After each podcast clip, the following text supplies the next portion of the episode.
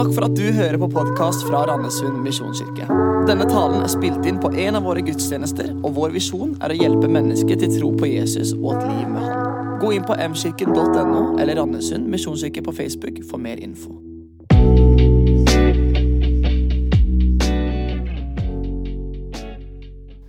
Og I dag skal vi få høre vandringa som Johan Fredrik har hatt. Johan Fredrik han er gift med sin vakre kone Anne-Berit. De har tre flotte gutter, og de går her i menigheten. Jeg vokste opp her på Sønn, og eh, vokste opp i en eh, kristen familie. Jesus var ikke et navn som var ofte framme i familien.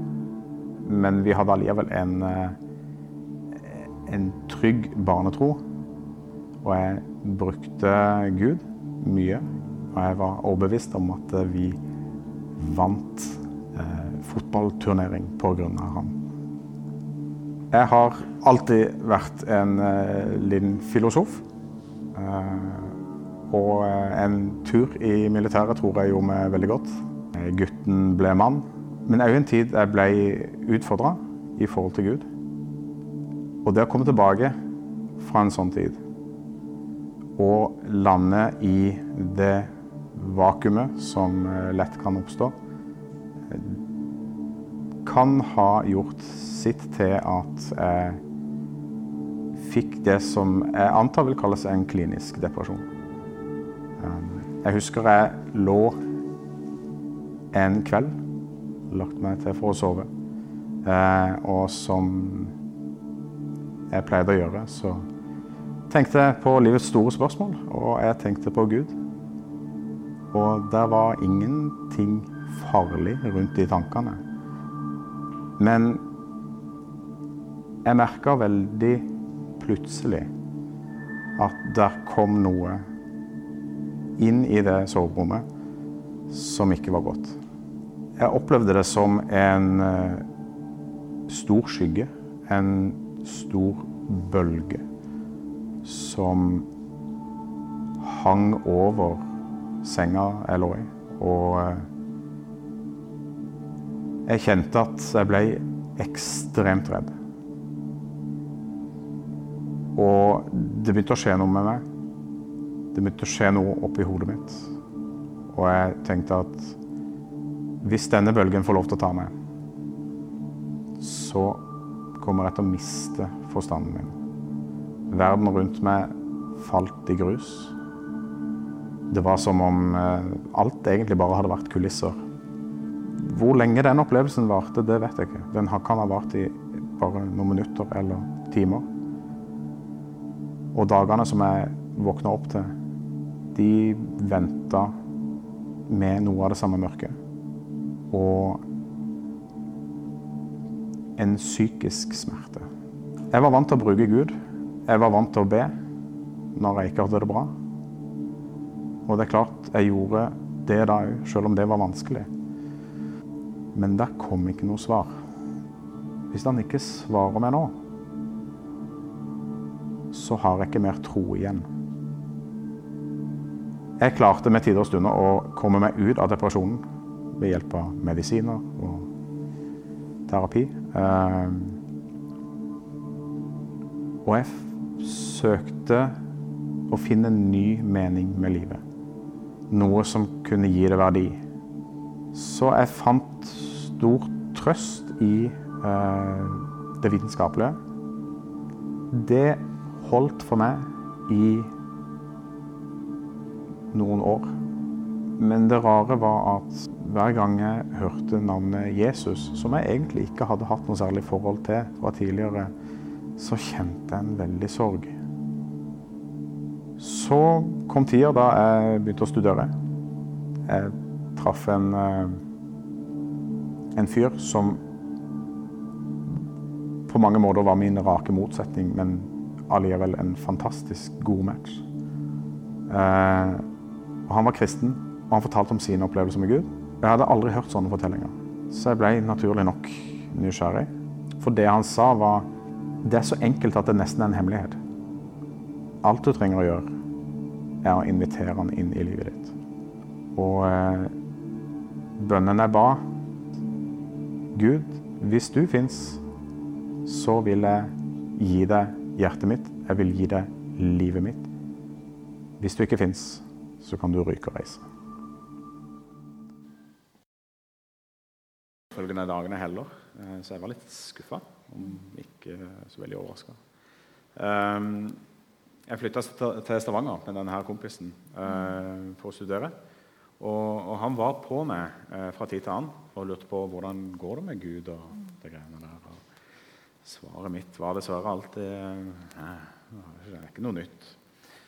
Um, I den, løpet av den tida så, um, så ble jeg også gift med ei jente som jeg møtte der borte.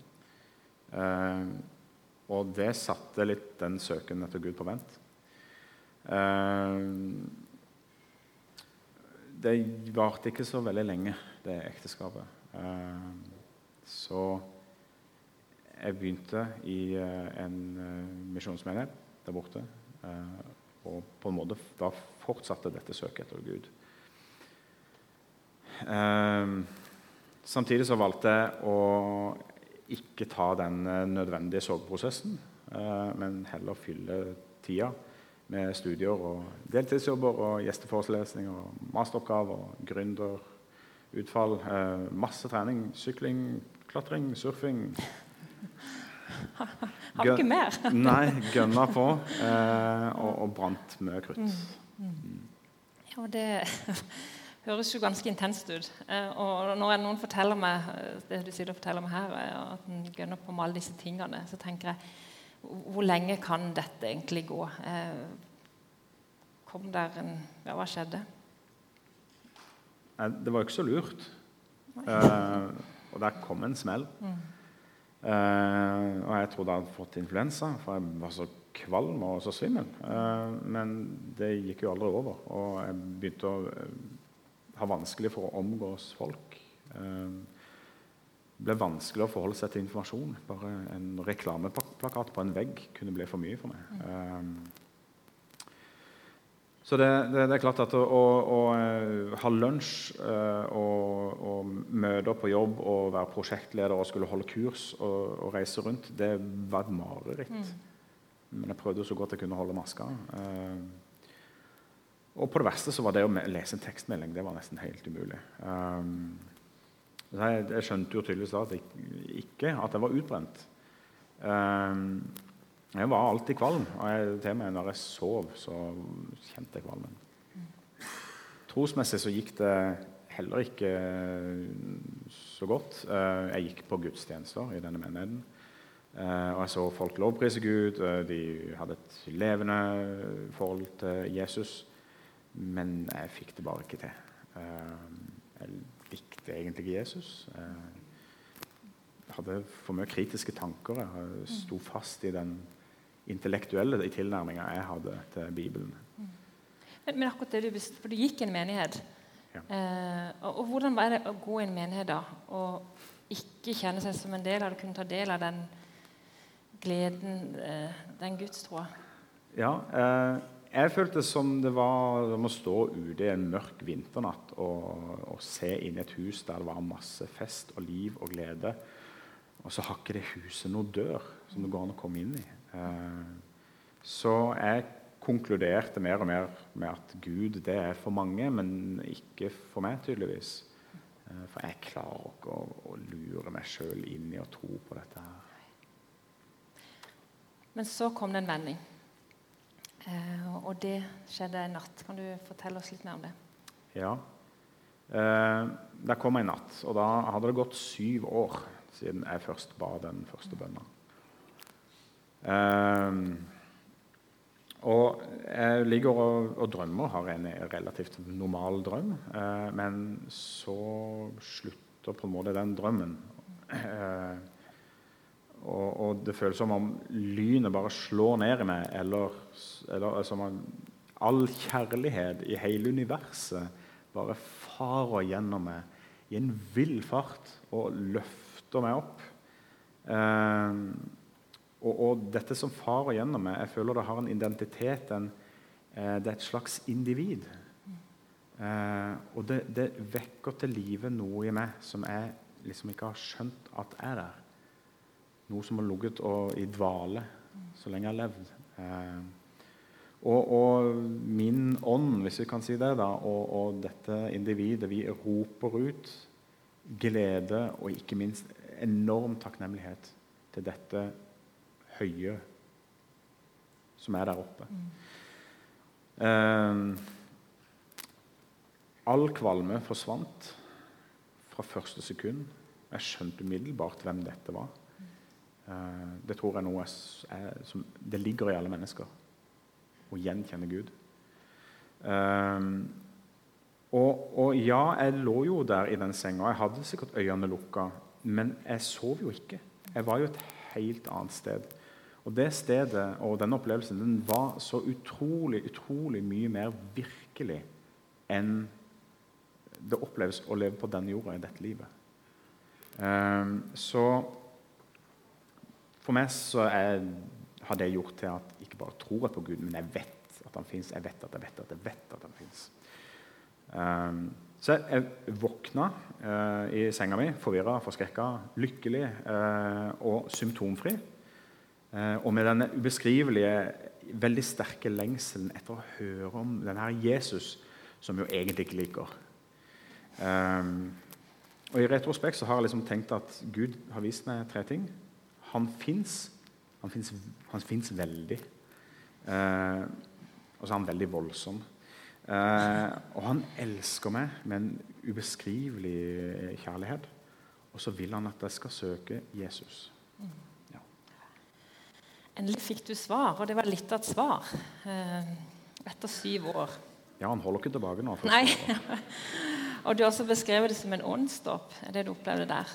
Um, ja. og, og, da lurer jeg litt på hvordan, hvordan er livet etterpå eh, et sånt sterkt møte?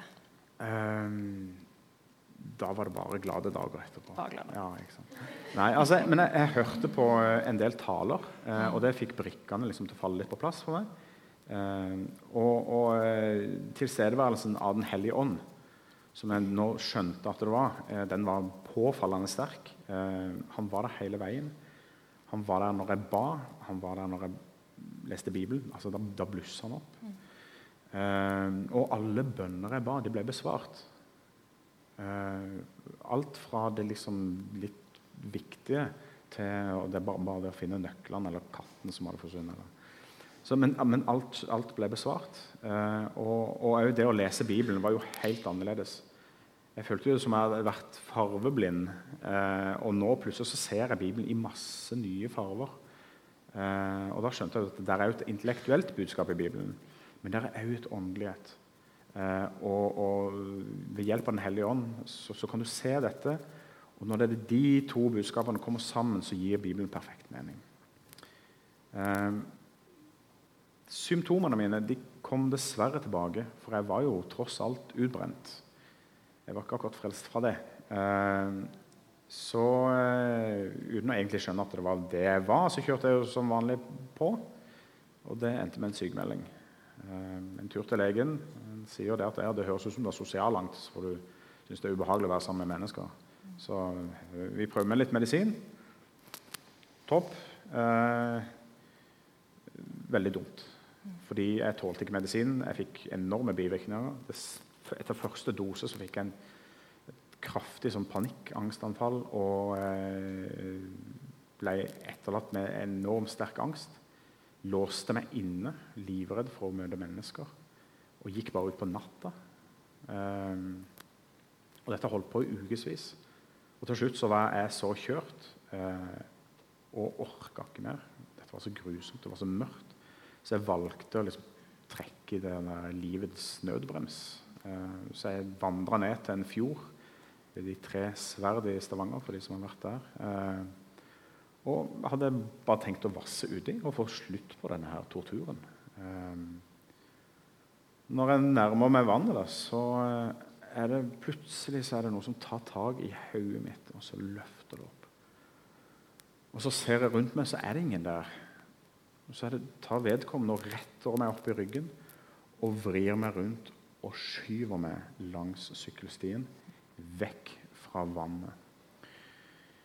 Eh, så jeg fikk visst ikke lov til å gjøre ende på ting der. Eh, og det ga meg en motivasjon til å holde ut eh, disse bivirkningene. Det pågikk et par måneder, så var nå de gått over. Så for meg så var dette denne her dødsskyggens dal. Eh, men jeg kjente jo da at jeg hadde noen med meg som ville at jeg skulle komme gjennom det. Mm. Gud hadde planer for deg om at du skulle være lenger på den jorda. Det fikk du en bekreftelse på. Eh, og så vet jeg at en periode etter dette skjedde, så, så var det mye som gikk bra. Eh, du hadde eh, ja, fikk livet på, på, på, plass. Du traff kona di, dere gifta dere. Eh, dere fikk barn, gikk i menighet. Og så tenker jeg litt sånn Da var det kanskje Etter det, etter de to sterke møtene med Gud som du beskriver, mm. eh, så har det kanskje bare vært egentlig solskinn i livet ditt siden da? Mm. ja, som jeg sier, jeg, jeg, tror på Gud, men jeg tror ikke på eventyr. Nei. Nei. Mm. Eh, ja, jeg var frelst fra dødens makt, fra det som skiller mennesket og Gud. Men jeg var ikke frelst fra dette livet eh, på denne jorda. Jeg var ikke frelst fra meg sjøl eh, eller min evne til å synde eller tvile.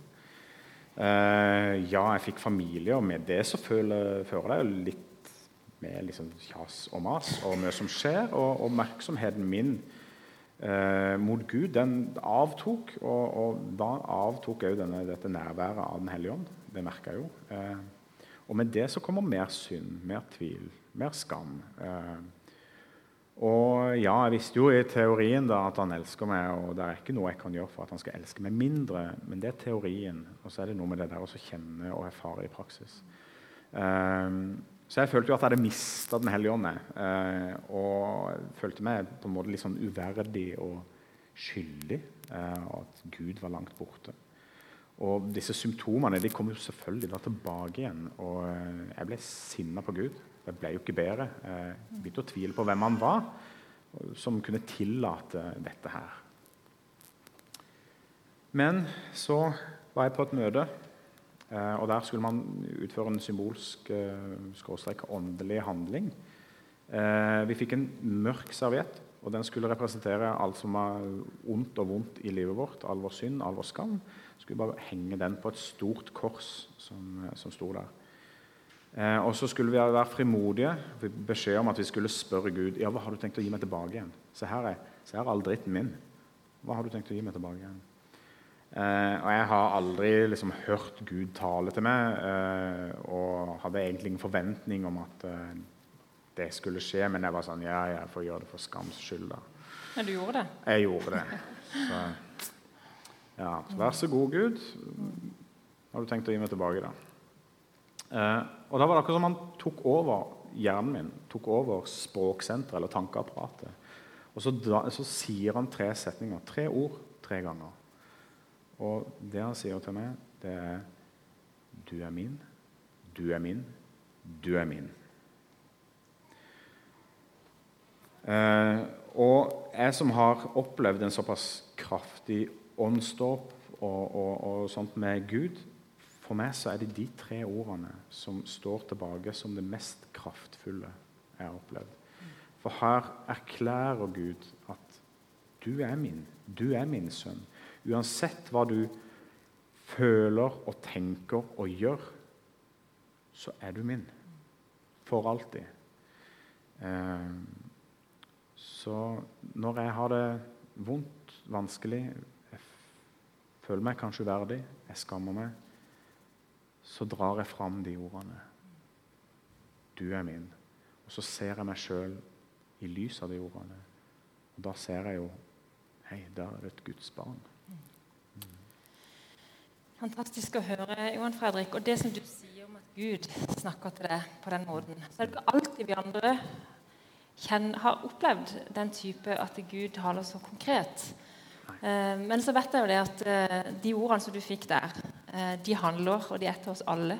Mm. Der hvor Gud sier 'Du er min, du er min, du er min'. Mm. Og så kan jeg kanskje bare føye til at uh, de to siste dagene nå så har det vært noe som har kjempa veldig mot at jeg skal komme opp på denne scenen og dele akkurat dette.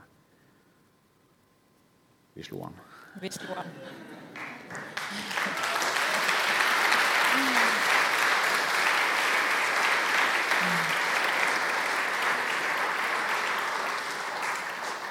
Så da gikk det til seier her, det samme som Start. Enda større å vinne over det du sa. Eh, og Johan Fredrik, jeg vil bare takke deg for din ærlighet, åpenhet og så modig du er, som deler dette, som har vært utrolig krevende som er personlig, eh, men som er så viktig for deg å, få delt at eh, Gud er større enn alt. Så tusen takk, og Gud velsigne deg. Tusen takk.